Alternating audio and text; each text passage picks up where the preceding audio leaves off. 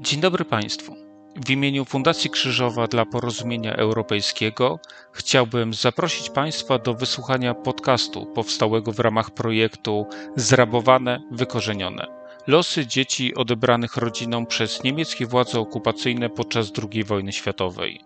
Dziś moim i Państwa gościem będzie Michał Hankiewicz, kierownik działu edukacji w Muzeum Dzieci Polskich Ofiar Totalitaryzmu muzeum powstałego w 2021 roku w Łodzi, którego celem jest przywracanie pamięci o jedynym niemieckim dziecięcym obozie koncentracyjnym na terenie Polski, tak zwanym obozie przy ulicy Przemysłowej.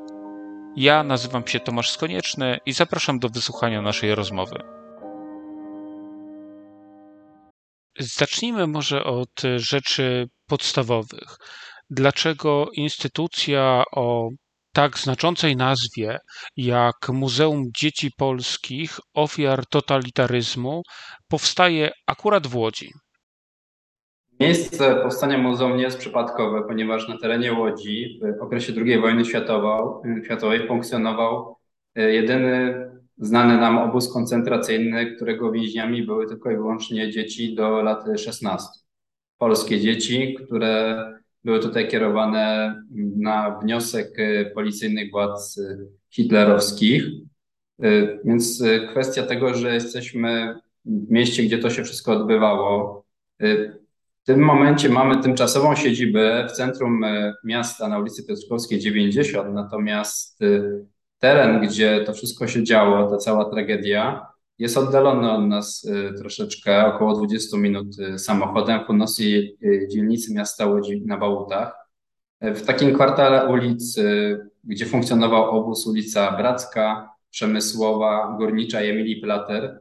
Ulica Bracka kojarzy się może też w świecie mm, kultury czy w świecie pamięci z cmentarzem żydowskim, największym cmentarzem żydowskim w ogóle w Europie, który ma adres właśnie przy ulicy Brackiej. Natomiast Pamięć o tym obozie, powiem tak, codziennie mm, spotykam się z tym, że ta kultura pamięci w samej Łodzi jest bardzo różnorodna. To znaczy, z jednej strony mamy starszych mieszkańców miasta, którzy w rozmowie z nami wspominają, że na temat tego obozu w latach ich młodości, lata 60., 70., że taka wiedza była. Na takiej zasadzie, że wiedzą o tym, co się działo, gdzie to się działo yy, i w ogóle czego dotyczy to zagadnienie. E, natomiast e, fakt faktem jest, że do tej pory, do momentu powołania Muzeum Dzieci Polskich, nie było w Łodzi jednej instytucji, której głównym zadaniem, takim merytorycznym, badawczym, edukacyjnym byłoby właśnie badanie tego e, tematu tego obozu. Można powiedzieć, że to było też dosyć mocno rozproszone, ponieważ część eksponatów znajduje się w zbiorach Muzeum Tradycji Niepodległościowych w Łodzi.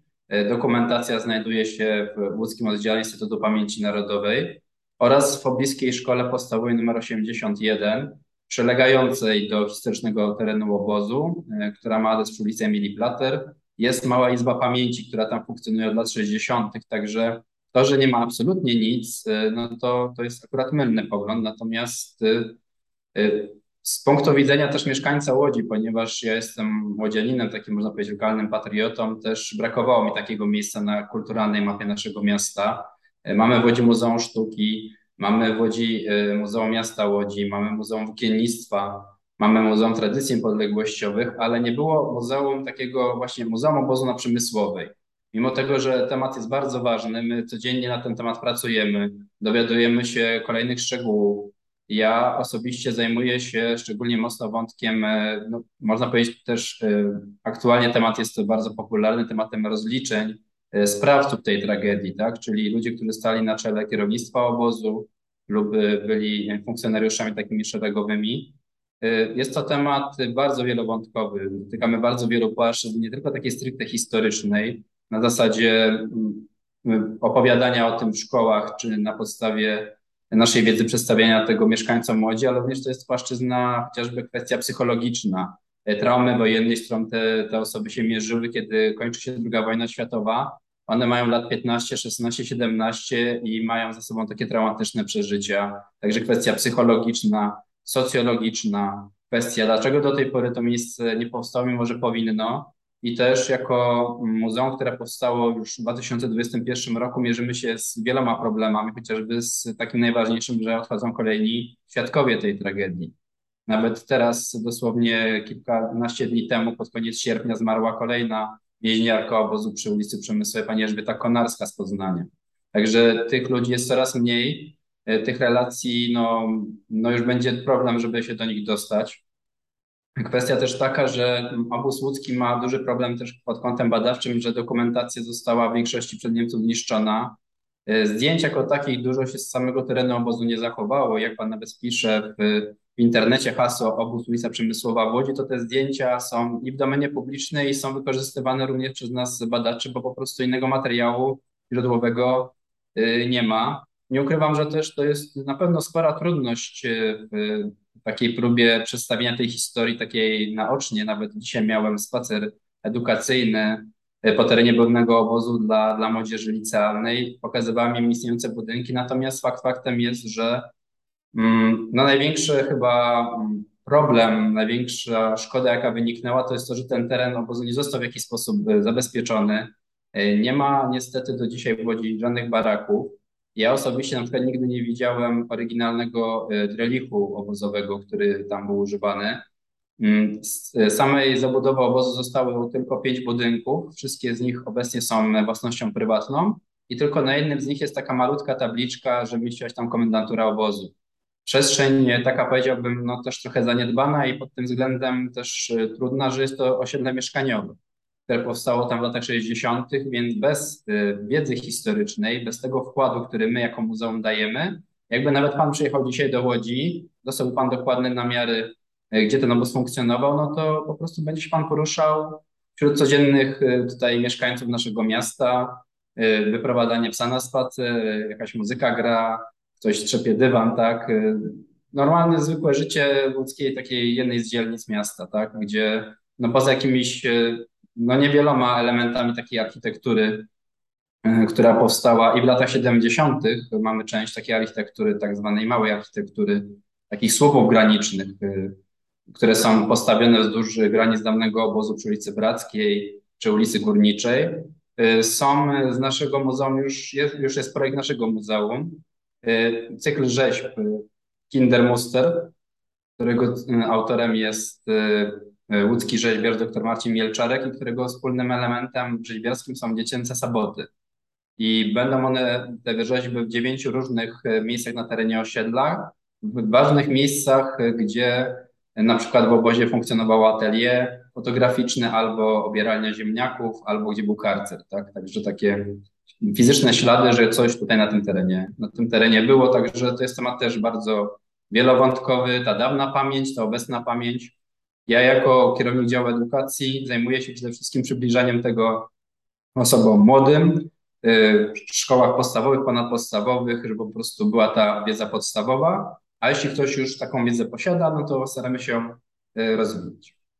Ja myślę, że to też e, warte podkreślenia, bo e, jak Pan wspomniał, zanim powstało muzeum, to tak naprawdę jedynymi miejscami, gdzie można było się dowiedzieć czegokolwiek o obozie przy Przemysłowej, była Izba Pamięci w Szkole Podstawowej, która jest niedaleko obozu. Osobiście bardzo polecam wszystkim Państwu, którzy nas, nas słuchają. To jest niezwykle dobrze przygotowana i mm, zaopatrzona izba. Mm, szczególnie, że to jest izba przygotowana przez, e, przez szkołę i jest jeszcze pomnik tak zwanego pękniętego serca, pomnik martyrologii dzieci, y, jednym z parków, który powstał w 1971 roku. Natomiast poza tymi dwoma elementami w przestrzeni właściwie do tej pory nie było żadnego upamiętnienia. Na samym terenie obozu zgadza się, to są takie jedyne ślady. Powiem też, że prywatnie mieszkam niedaleko i czasami nawet y, chcąc szukać może jakiejś inspiracji, czy może, nie wiem, jakichś kolejnych świadków, bo też y, osoby, które tam mieszkają, Y, na jakąś wiedzę, myślę, że posiadają na ten temat i faktycznie no, poza pomnikiem, który też y,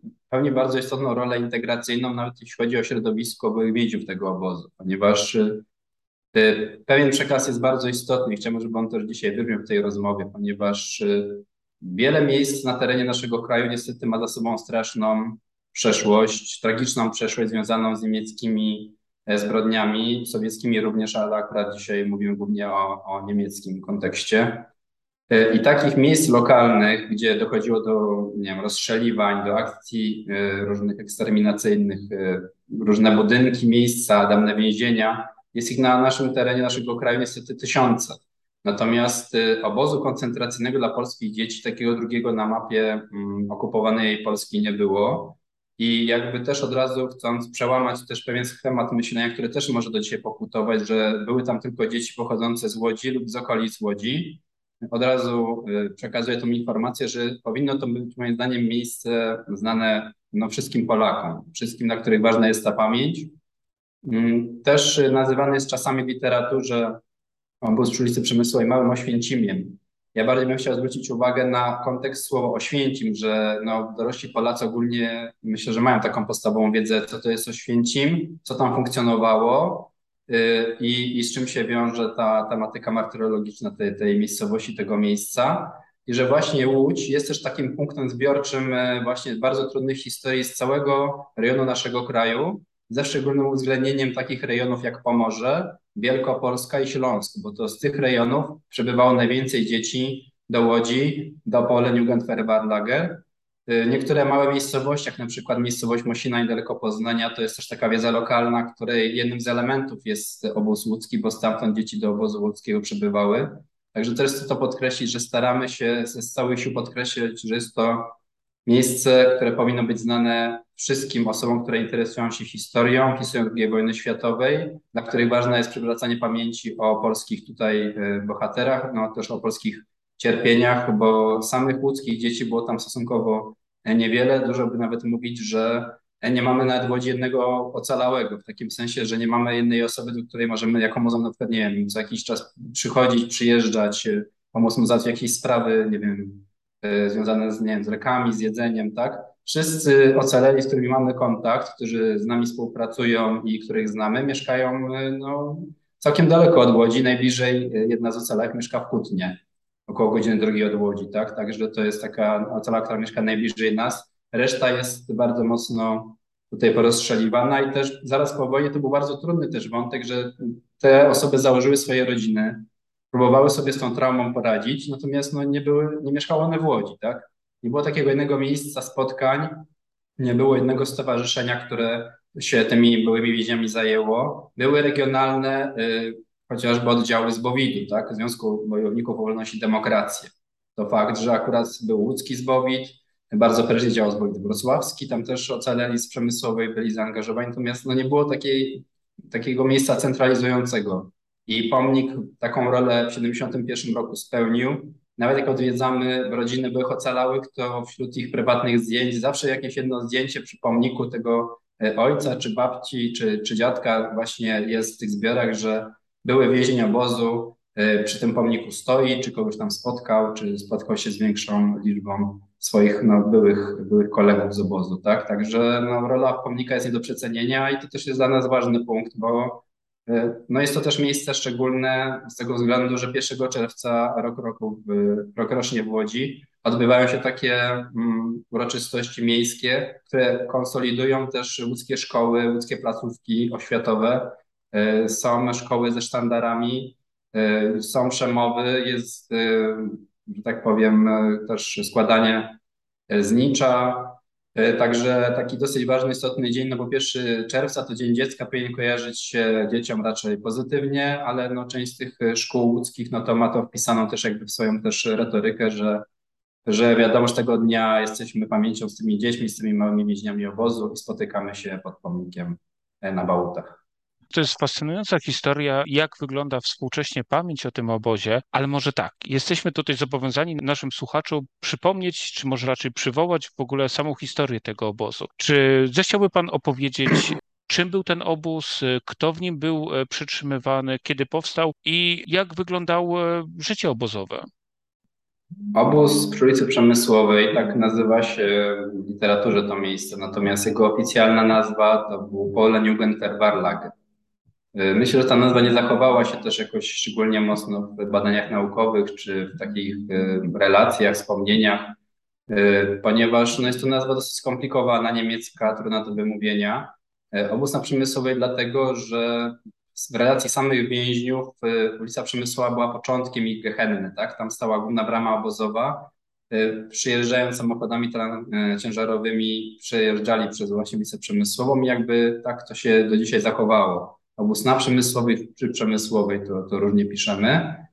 Mm, ja zawsze też, jak czasami prowadzę wspólnie zajęcie edukacyjne z moją koleżanką z działu edukacji Jolantą Sobińską-Gogacz, która też jest znana E, stosunkowo, myślę, wielu osobom z powodu książki Mało Oświęcim. Pracuję w Muzeum Dzieci Polskich. E, ja zawsze mam tą część prowadzającą zawsze po, takie, ostatnia moja taka, mm, moje przemyślenia, bo dużo myślimy też na temat przecież tego obozu, jest pierwsze pytanie, dlaczego taki w ogóle powstał? Co powodowało władzami hitlerowskimi, że uznano, że trzeba do systemu obozu wprowadzić nowy obóz, do którego będą kierowane tylko dzieci, które nie ukończyły jeszcze nad 18 lat? Jakie mogły mieć przewiny, w jaki sposób mogły zaszkodzić e, Wielkiej Rzeszy, 9, 10, 12 latki, tak? E, I wychodzimy zawsze od tego założenia, że wszystko zaczyna się od tego, że po polsku po prostu polska rodzina staje się ofiarą tej wojny, e, jest całkowicie zdezintegrowana, są to rodziny często wielodzietne, nawet do obozu trafiają często rodzeństwa czworo dzieci z jednej rodziny sześcioro, nawet mieliśmy taki przypadek. Pierwsze co to jest strata rodziców, tak? Najczęściej ojciec wyjeżdża na wojnę i z niej nie wraca, chce bronić kraju, ale często nie wraca do, do rodziny lub ewentualnie biorąc udział w, czynnie w ruchu oporu, no nie chce narażać swojej rodziny. Mama często y, może zostać y, aresztowana chociażby no, w łapance albo no, wysłać, zostać wysłana na roboty przymusowe, i czasami tym 16-17-latkom mówimy, i w tym momencie wy musicie, y, macie całą rodzinę na swojej głowie, wy ma, musicie zdać ten egzamin z dorosłości. I bardzo takie naszym zdaniem, no taki mały heroizm takich młodych ludzi, którzy na wojnę nie są przygotowani, tak? Nikt ich tego szkole nie uczył. Jak, jest, jak to jest zdobyć 5 e, kilo węgla, kiedy jest to jeszcze nielegalne w ich przypadku, bo nie mogą dostać kartek na to. Bo Niemcy prowadzili reglamentację żywności, podstawowych materiałów, i, i młodzież, dzieci nie mogły tego zdobyć legalnie, tak? E, ogrzej mieszkanie, zadbaj o leki, zadbaj o podstawowe potrzeby całej rodziny. E, w momencie, kiedy te dzieci tę próbę podejmują, władze niemieckie traktują to w zupełnie inny sposób jako, jako problem. Bardzo duży problem wychowawczy. Dzieci wychowywane bez rodziców. Oczywiście nie ma w tej narracji niemieckiej y, słowa o tym, kto tych rodziców, prawda, pozbawił tą rodzinę, tak? Od grudnia 1939 roku nie ma otwartej polskiej szkoły. Więc dziecko nie może chodzić do szkoły polskie, e, a taka ciekawostka we wnioskach często o skierowanie do obozu czytamy, że e, jeden z powodów wysłania do obozu jest to, że wagaruje. A, a no nie ma powiedziane, kto, kto polskie szkoły pozamykał. E, także to, że te dzieci po prostu są poza niemiecką kontrolą, poza kontrolą wydziałów młodzieżowych, i jest to problem dla władz niemieckich bardzo duży. Nie mówimy tutaj o jakichś pojedynczych przypadkach, tylko no, o setkach przypadków po prostu polskich dzieci, którzy próbują przetrwać wojenną rzeczywistość, ale dla Niemców jest to problem bardzo poważny. I co podkreślam też szczególnie mocno, bo czytam dokumentację niemiecką, też jestem filologiem germańskim, także też ten język, można powiedzieć, z nim żyję na co dzień. Ta retoryka niemiecka, że jest to bardzo poważny problem, E, że władze muszą szczególnie się tym problemem zająć i już w roku 1941, drugim roku wojny, pojawia się koncepcja powołania powstania lagru, tak? czyli nie ośrodka wychowawczego, czyli jakiegoś sierocińca, tylko lager, tak? czyli coś, co od 1933 roku już funkcjonuje chociażby w Dachau, tak? nadzorcy i więźniowie. Tak? E, już wtedy ma taki lager powstać. E, no Łódź z tego względu też, że była dobrze skomunikowana, była też przy granicy z generalną gubernią. Technicznie wszystko tutaj Niemcom, można powiedzieć, odpowiadało. E, lokalizacje były różne proponowane, między innymi Dzierżązna koło Zgierza, gdzie ostatecznie powstanie filia obozu i e, klasztor łagiew, w łódzkich Łagiewnikach, klasztor franciszkanów, ale ostatecznie, jak my to mówimy na zajęciach, sam diabeł podpowiada władzom niemieckim lokalizację łódzkiego getta które istnieje od roku 40. Jest to drugie największe getto żydowskie na okupowanych terenach polskich po, po, po getcie warszawskim. Jest to już teren źle odizolowany od reszty całego miasta, pilnowany. Y, I sam diabeł Niemcom podpowiada, że to będzie idealne miejsce, żeby tam powstał obóz dla polskich dzieci, podwójne więzienie.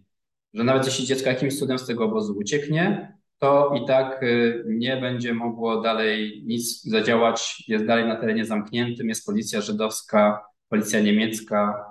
Nie mamy odnotowanej żadnej udanej ucieczki z tego miejsca.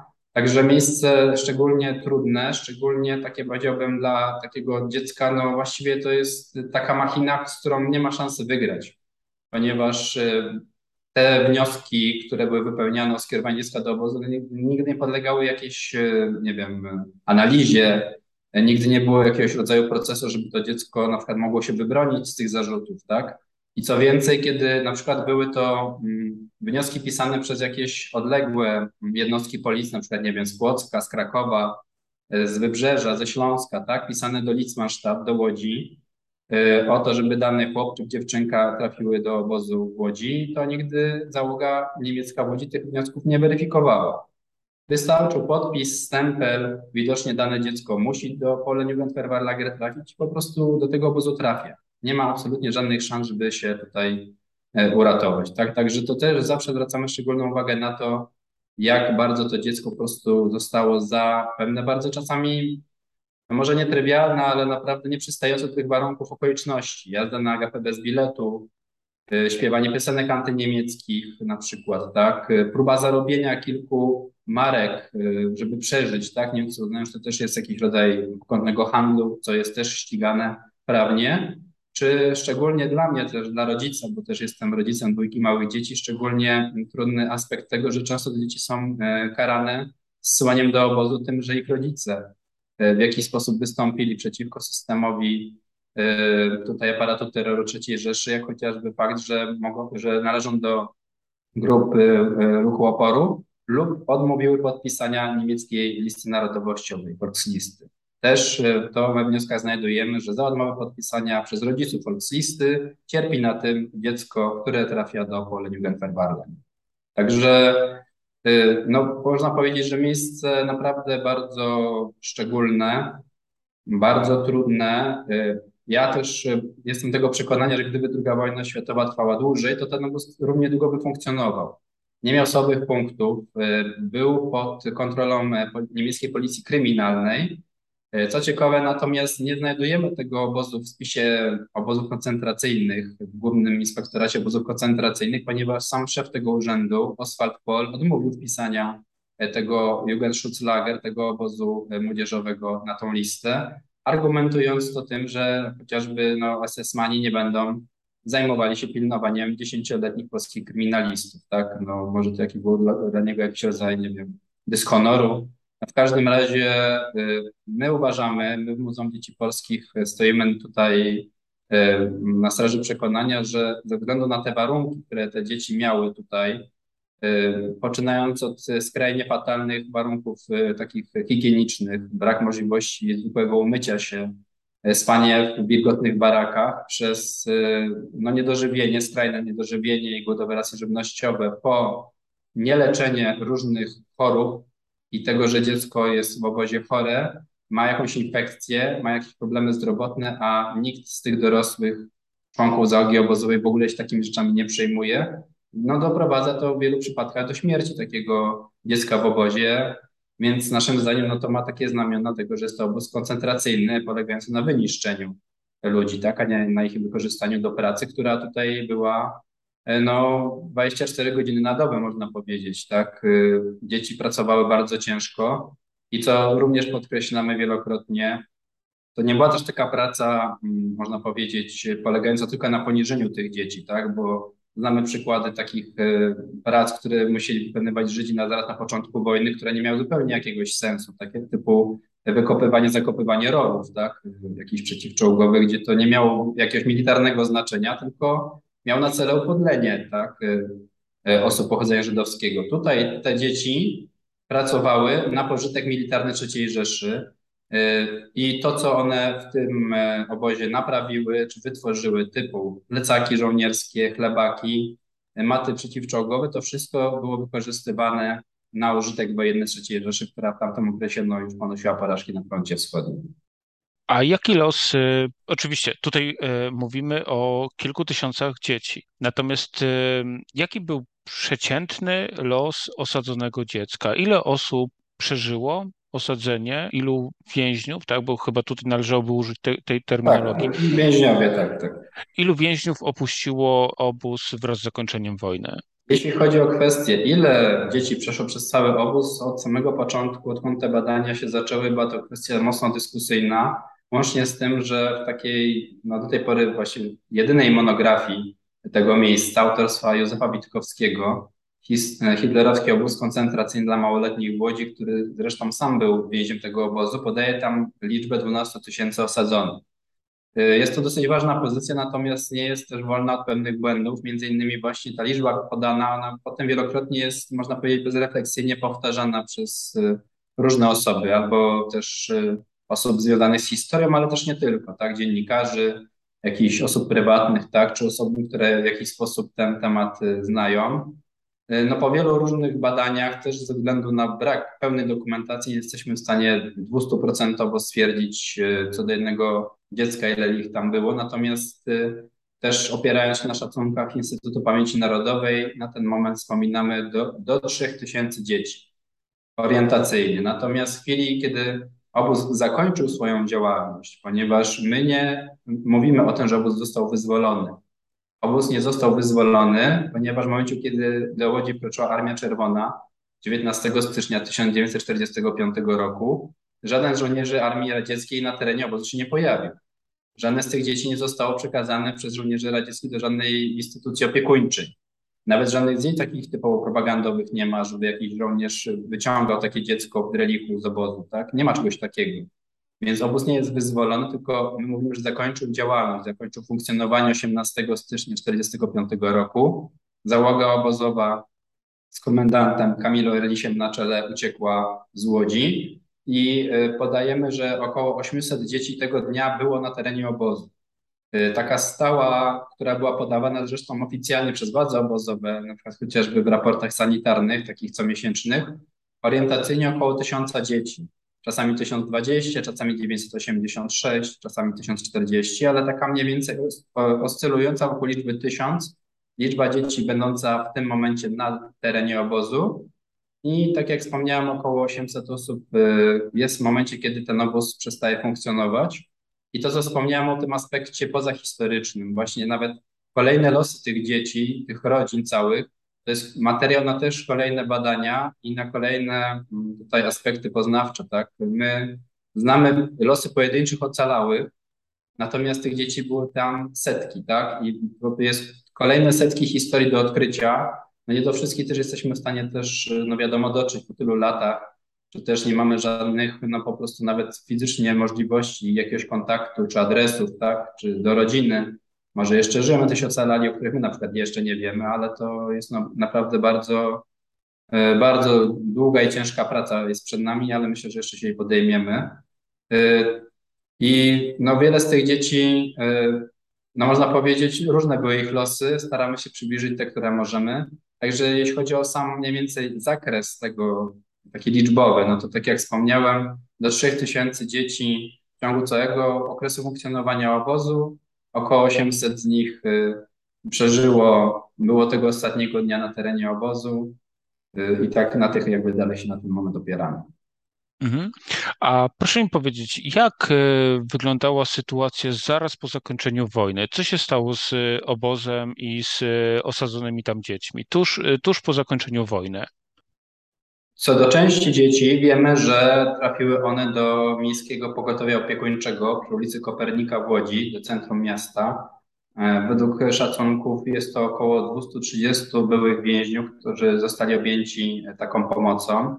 W wielu przypadkach mamy do czynienia z takimi historiami, że łódzkie rodziny po prostu przygarnęły te błąkające się biedne, przestraszone, e, chore i, i wygłodzone dzieci. Część dzieci podjęła tą, e, można powiedzieć, taką swoją kolejną epopeję wojenną kontynuowała, ponieważ mamy dzieci z Wielkopolski, gdzie działania wojenne zakończą się dopiero w maju 1945 roku, więc można powiedzieć, że one szły równolegle z frontem i dla nich ta wojna się jeszcze nie skończyła. Mamy dzieci, które były z ze Śląska, tak? Mamy dzieci, które były z okolic Wrocławia, gdzie mamy Pestung, Breslau i gdzie też te y, działania kończą się stosunkowo późno. Także no, są to wątki mm, bardzo różnorodne, tak? Y, takim bardzo istotnym do zapoznania, myślę, artykułem, który może coś na temat tych pierwszych lat powojennych powiedzieć nam o tych dzieciach, jest artykuł pani, która się nazywała Maria Nyska-Hesenowa i w takim periodyku Służba, Służba Społeczna z 1946 roku w pierwszym numerze jest artykuł jej autorstwa Dzieci z Lagru. Ona zajmowała się fizycznie tymi dziećmi, pracowała w pogotowiu opiekuńczym i na jej relacjach opieramy pierwsze takie kontakty, jak wyglądało właśnie dziecko po tej traumie e, obozu łódzkiego, e, jak się to dziecko zachowywało, jaką dużą dozą niepewności e, no, dzieliło, jeśli chodzi o osoby dorosłe, ponieważ to, co jest warte podkreślenia i zawsze to mm, staramy się też naocznić, że tam jedynymi więźniami były dzieci. Nie mieli tam w tym obozie, nie miały te dzieci żadnych krewnych, żadnych osób dorosłych, które na przykład wytłumaczą im tę sytuację. E, inaczej nie w Oświęcimiu na przykład, gdzie były całe rodziny, tak, czy na Majdanku. E, więc e, te dzieci były tam same sobie pozostawione Jedynymi dorosłymi, z którymi one miały przez te wiele miesięcy kontakt, to byli strażnicy niemieccy czy Volksdeutsche, którzy byli wobec nich nastawieni agresywnie, wrogo, nieprzyjaźnie. Stosowano wobec nich kary fizyczne. Były te dzieci bite i maltretowane, więc no, całkowicie zrozumiałe, że po takich przeżyciach bało się po prostu dorosłych, tak? Nawet takich, którzy chcieli im pomóc. E, następna kwestia, no właśnie niedożywienia skrajnego. Znamy taką relację, że niektóre dzieci po prostu były tak zdesperowane i w momencie, kiedy dostały cokolwiek do jedzenia, to pochorowały się z przejedzenia, bo już ten żołądek nie był przygotowany na taką dawkę jedzenia, witamin, tak, ponieważ no, brak witamin w obozie to była norma. Ewentualnie też takie, mm, można powiedzieć, no, konotacje związane z piętrowymi łóżkami, w tym pogotowiu opiekuńczym, które kojarzyły się dzieciom z obozowymi pryczami, tak? Czyli no właściwie z miejsca, które przed sekundą opuściły, tak? A znów te prycze mają przed swoimi oczami, więc też y, na pewno reagowały bardzo y, nerwowo. Y, ten okres 1945 roku powiedziałbym, że jest istotny z jeszcze innego względu. Może mniej o samych dzieciach w tym momencie, tylko bardziej o sprawcach, ponieważ Rok 45 to jest rok, w którym zostają skazani na karę śmierci, zostaje skazanych dwoje e, ludzi, którzy stanowili załogę obozu. E, naczelniczka obozu dziewczęcego, ponieważ nie wspomniałem, że obóz dzielił się na część chłopięcą i dziewczęcą. E, stosunek więźniów był mniej więcej 75% chłopców i 1 czwarta dziewczynki. E, kierowniczka obozu dziewczęcego, jedna z najgorszych e, nadzorczych w tym obozie, Sydonia Bajer, została skazana przez sąd specjalny w Łodzi na karę śmierci i wyrok został wykonany. A zaraz na początku 1946 roku wykonano wyrok śmierci na jednym z najbardziej brutalnych wachmanów w tym obozie, Edwardzie Augustie. Także powiedziałbym, że bardziej kojarzy nam się ten zaraz, ten zaraz koniec wojny, i te pierwsze lata powojenne bardziej kojarzą nam się właśnie z tą sytuacją związaną z tym, że udało się od razu mm, tych dwoje sprawców ukarać. Co ciekawe, y, był jeszcze jeden oskarżony, Teodor Bush, jeden z Bachmanów, który był w więzieniu w Łańczycy, natomiast nie doszło do procesu z tego względu, że on w tym więzieniu w Łańczycy zmarł. Jest taka teza, że mógł zostać zamordowany przez współwięźniów Polaków za to, że dowiedzieli się, co robił w obozie dla polskich dzieci, ale nie mamy na to dowodów ale jest, jest, jest, taki, jest taka teza. W każdym razie y, w aktach sądowych jako przyczynę zgonu podaje się ogólne osłabienie organizmu osadzonego Teodora Busza. Także był już jakby w rękach sprawiedliwości, no ale, ale, ale zmarł w więzieniu. Y, I y, no to jest taki dosyć istotny, istotny właśnie fragment też tego szerszego wątku dotyczącego rozliczeń, ale opiera się właśnie na tych latach zaraz powojennych. E, co do samego terenu obozu, przez jeszcze kilka lat funkcjonowała ta stara zabudowa obozowa. Mamy relację, że jeszcze na początku lat 50. E, funkcjonują te, te baraki, które tam miały, które tam były zbudowane, było ich naprawdę całkiem dużo, ale bardzo szybko zostały no, spalone, zniszczone. Ja też mam taką jako historyk, jako muzealnik też taką, można powiedzieć, myśl, że miejsca pamięci w Polsce też dzielą się na takie dwa typy. Albo zaraz po wojnie takie miejsca pamięci typu obóz w Oświęcimiu były otaczane jakimś rodzajem jakiegoś, jakiejś, jakąś opieką, w takim sensie, że Nie burzono tych zabudowań, tworzono tam miejsca pamięci, muzea i od razu było wiadomo, że to zostaje dla potomnych. A przy niektórych miejscach, na przykład od razu takie baraki, budynki yy, niszczono albo przeznaczano na, na, na inne instytucje i przez to też zatarła się pamięć o tych miejscach. No i ubóstwo przemysłowe jest właśnie z tej drugiej grupy, tak? Yy, biorąc pod uwagę, że na początku lat 60. powstaje tam osiedle mieszkaniowe, które stoi tam yy, do dzisiaj, tak? Także no też, też właśnie to biorę pod uwagę odnośnie tego, że mamy w Łodzi też muzeum, które znajduje się w budynku dawnego więzienia policyjnego. E, i tam e, powstało w 61 roku mauzoleum, a 76 roku jest muzeum, także akurat to miejsce no, zachowało się w oryginale, natomiast e, obóz na przemysłowej no tego szczęścia nie to jest wyjątkowo ponura historia. I siłą rzeczy rodzi się pytanie w takiej sytuacji muzeum, do kogo kieruje swoją ofertę? Kto jest tym głównym odbiorcą opowieści edukacyjnej, popularyzatorskiej waszej placówki? Nie ukrywamy, że zdecydowanie jest to temat trudny. Jest to temat, jest to temat niełatwy. Sami też pracując nad tym tematem codziennie też mamy swoją wrażliwość i też y, Wiadomo, że czasami więcej uda się poświęcić czasu, czasami trochę mniej, bo też trzeba pewne rzeczy na pewno jakoś przeżyć, przetrawić w sobie. E, niedawno organizowaliśmy pierwszą konferencję naukowo-dydaktyczną e, naszego muzeum, Muzeum Dzieci Polskich. Tam jeden z referentów był pan, który zajmował się tematem e, mordowania psychicznie chorych dzieci na Pomorzu, tak? I nawet dla mnie osoby, która powiedzmy, że ma jakiś dystans do tego, żeby to na mnie wrażenie, tak? I Wiem, że równie podobne wrażenie wywołuje ten temat i to miejsce i ta historia również w słuchaczach, którzy interesują się historią. Y, także staramy się na pewno bardzo delikatnie do tego tematu podchodzić, tak? Y, odpowiednio dopierać treści, na pewno w przypadku chociażby szkół podstawowych czy liceów, gdzie można powiedzieć, że to jest chyba taka nasza pierwsza i główna grupa docelowa. Przede wszystkim e, realizując tutaj taki, taki projekt e, kultywowania tej e, pamięci o tych ofiarach, tak? O tym, żeby w ogóle o tym powiedzieć, przedstawić tą historię i żeby w ogóle no, rozwinąć ten wątek już w liceach. Pojawia się literatura dotycząca II wojny światowej, tak? Opowiadania Tadeusza Borowskiego, tak? Czy Seweryna Szmaglerska, tak? Więc jakoś się wpisujemy tutaj w ten nurt tej no, dosyć trudnej tematyki. Więc na pewno mm, w ogóle informowanie o tym fakcie, o tym, żeby uzmysłowić szczególnie no, w łódzkich szkołach, tak? bo też jesteśmy takiego zdania, że łodzianin nie wiedząc o tym miejscu, no to tak jakby mieszkając Oświęcimia nie znał historii Auschwitz, tak? Y, jesteśmy najbliżej tego miejsca, najbliżej możemy to miejsce dotknąć, możemy do niego pojechać, mamy najbliżej, tak? Y, mamy muzeum, które o tym opowiada, więc no, te łódzkie placówki traktujemy dosyć priorytetowo, ale tak jak wspomniałem, również placówki na terenie całego kraju, żeby właśnie cały kraj dowiedział się o tym miejscu. E, mamy już za sobą wizytę w kilku placówkach poza, poza Łodzią, w Toruniu, w Częstochowie czy w Poznaniu, żeby też powiedzieć do tych młodych ludzi, słuchajcie, to nie jest temat ludzki, to nie jest temat lokalny, bo tych historii każde z tych miast ma na pęczki, tak? E, dziewczynka z Poznania, Urszula Kaczmarek, zmarła w obozie w Łodzi, tak? Więc w Poznaniu też o tym opowiadamy. To jest dziewczyna od was, tak? To jest wasza koleżanka, waszych, nie wiem, dziadków, pradziadków, która, co mm, istotne w jej przypadku, na przykład trafiła do obozu w wyniku łapanki, tak? Więc też nie, nie zrobiła niczego złego całemu systemowi gospodarczemu, że szybko po prostu miała ludzkiego pecha, tak? Była po prostu w złym miejscu, w złym czasie.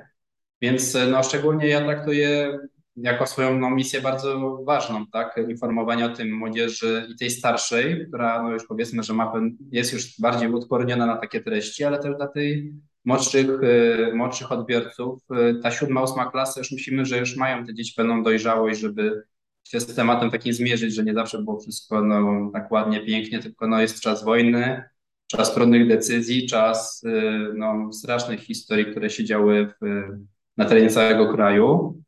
Y, więc to na pewno. Dodatkowo mm, można powiedzieć, że działamy w wielu aspektach, tak? Korzystamy z uprzejmości różnych innych instytucji. Mieliśmy na przykład w Łodzi y, cykl wykładów w bibliotece, która znajduje się bardzo blisko obozu, tak? Czyli znowu aktywizowanie społeczności lokalnej, co moim zdaniem też jest istotne, tak? Żeby sami ludzie mieszkający w okolicy też mieli taką świadomość, że mieszkają na terenie szczególnym i że tym e, szczególnym tematem zajmuje się jedna konkretna wybrana placówka muzeum, które może mm, przeprowadzić prelekcję, może prowadzić spacer, służy jakąś radą, pomocą, informacją, tak? Może ludzie, dużo ludzi ma pytania w ogóle na temat tego obozu, tak? Dzwoni do nas, część osób opowiada, co sama wie, nawet dzisiaj w czasie spaceru, jak kończyłem zajęcia z młodzieżą, podszedł do mnie pan taki z ulicy i, i zapytał, a czy wiem, że w jednym z tych budynków był barak dla dziewczynek na przykład, tak? Czyli że on tutaj mieszka i tak po prostu chciałem taką ciekawostkę powiedzieć, tak?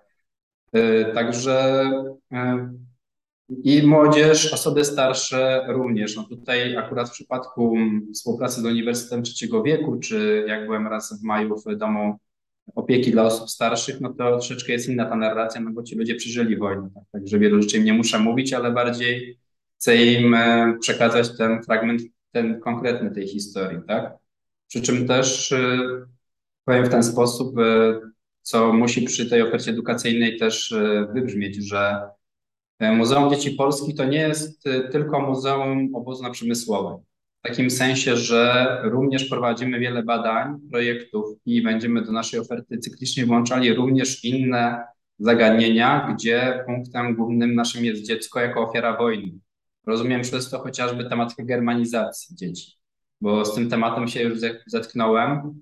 Mamy takie szczęście jako badacze, że u nas w Łodzi jest na przykład pani, która była jako dziecko germanizowana i jest takim świadkiem tej historii E, na przykład widzieliśmy jej zdjęcia jako dziecka z, z domu dziecka takiego w Łodzi, który wysyłał dzieci do germanizacji. Tak? Także to jest kobieta, która to przeżyła, która była w rodzinie niemieckiej i rozmowy z nią też są bardzo takie ważne, inspirujące i też zachowanie tej pamięci o, o, o tych ofiarach też jest ważne. Tym bardziej, że polityka germanizacyjna no, nie, dla Niemców hitlerowskich była ogromnym sukcesem, tak? ponieważ setki tysięcy dzieci z terenów okupowanej Polski zostało do Niemiec wysłanych i no, praktycznie większość z nich nie wróciła do kraju i myślę, że do dziś może nawet jeszcze żyją, no tylko jako już obywatele Niemiec, tak, 80-90-letni, może nawet często nawet nie mają takiej świadomości, że, że byli Polakami, no bo byli wysyłani do Niemiec, jak mieli lat 2, 3, albo nawet jak mieli kilka miesięcy, więc ciężko jest im to y, powiązać tak, z tym krajem, w którym sąsiadują Niemcy. Także zamiast y, Hans Schmidt mogli się kiedyś nazywać Jasiek Kowalski, tak? Y, także to germanizacja to jest jeden z tematów. Y, na pewno temat y, deportacji do Związku Radzieckiego również będziemy poruszać. Temat sierot wojennych zaraz po zakończeniu wojny. Dzieci żołnierzy wyklętych też myślę, że znajdą się tutaj w zakresie naszym też merytorycznym, także też jakby chcąc zaprosić do kontaktu też instytucje nauczycieli i edukatorów też e, w szerszym takim zakresie, tak? Nie tylko tego konkretnego miejsca obozu na Przemysłowej Łodzi i jego filii w ale również w ogóle tam, gdzie cierpi dziecko, gdzie cierpiało dziecko w czasie wojny, gdzie można wziąć udział w jakiejś konferencji, szkoleniu, spotkaniu też przedstawiciele Muzeum Dzieci Polskich myślę, że będą zaangażowani. Jak młodzież szkolna reaguje na spotkanie z państwem? Na, na ile oni rozumieją tą opowieść, na ile to do nich trafia i może trochę idąc dalej, na ile wy jako muzeum czujecie, że to jest opowieść, którą w tym momencie można opowiadać, tak? Że to jest przystępna opowieść, którą można dotrzeć do młodych ludzi. Może, muszę powiedzieć, że mm, nie mam żadnych absolutnie zastrzeżeń do, że tak powiem, obecnych młodych słuchaczy, ponieważ spotykamy się zawsze ze zrozumieniem z szacunkiem wykazywanym przez tą młodzież, zarówno tą młodszą, jak i no już tą młodzieżą licealną.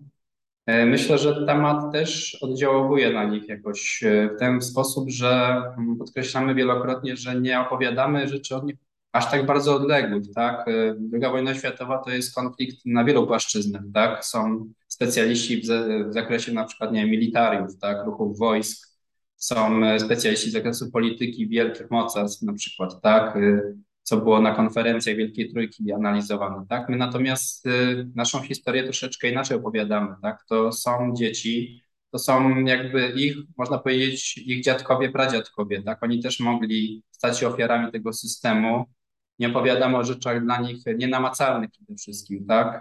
Podkreślamy na przykład, no, no robi to pewne wrażenie, ale to też jest trochę mój cel w tym, żeby podkreślać, że e, jak jesteśmy w klasach, e, gdzie młodzież ma lat 17 i 18, ja do nich wtedy mówię, że nie trafilibyście do tego obozu, bo jesteście na niego za starzy. Bo według tej e, no, niemieckiego zarządzenia 18-latkowie do obozu na przesłowie nie trafiali, bo już no, nie, nie, mieścili się w tych ramach wieku, tak? Tam były dzieci do lat 16 maksymalnie, tak?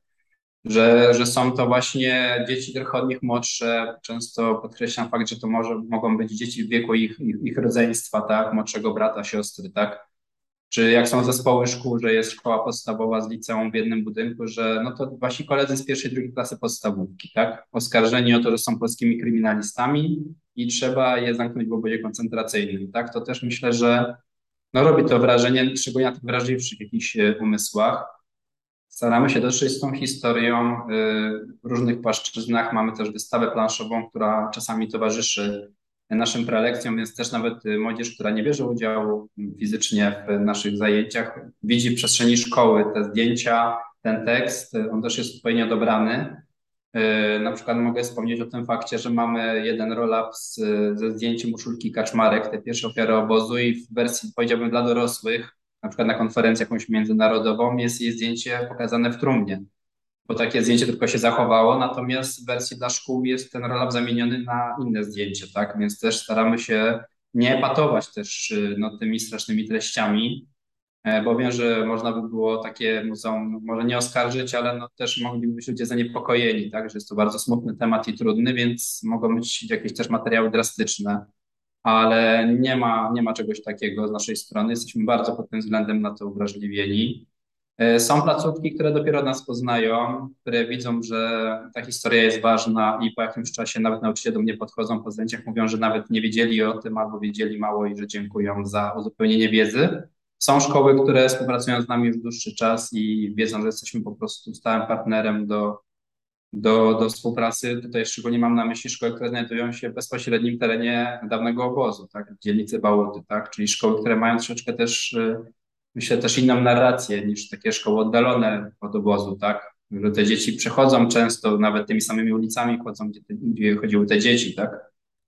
E, korzystamy z e, różnych metod, jeśli chodzi o prezentację naszych treści, bo też jestem, e, też założenia myślę, że to też musi być atrakcyjne w przekazie, tak? Więc poza samymi zdjęciami, skanami zdjęć, też staramy się mm, nasze prelekcje, jeśli starczy nam czasu, bo w sumie to czas jest często naszym największym wrogiem, po prostu nie zdążymy wszystkiego powiedzieć w ciągu 90 mm, minut, 2 razy 45 w szkole, no to są materiały audiowizualne, tak? Mamy jako Muzeum Dzieci Polskich już przygotowane animacje, które są nawet dostępne w internecie.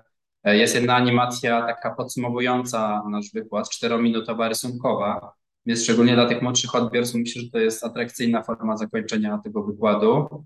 Jest taka etiuda filmowa, nauczono nas słuchać bez łez, reżyserii Michała Floriańczyka, który e, no, w takiej aktorskiej wersji przedstawił takie różne wątki dotyczące dzieci, tak jak na przykład kwestia tego, że gestapowcy e, taką rodzinę z domu na przykład wyciągają i jest dziecko po środku pomieszczenia, jak jest scena z e, przenoszeniem dzieci, przewożeniem wagonami kolejowymi, tak? Także taka impresja też bardzo przejmującą muzyką, która wpływa na pewno na na to postrzeganie tego tematu.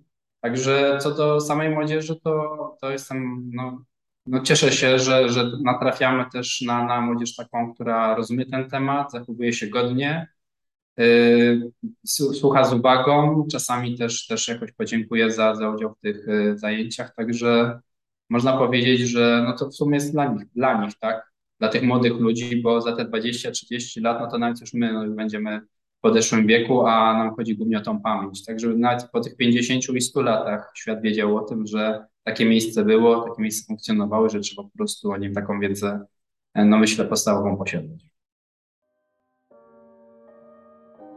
Moim i Państwa gościem był Michał Hankiewicz z Muzeum Dzieci Polskich Ofiar Totalitaryzmu. Do usłyszenia.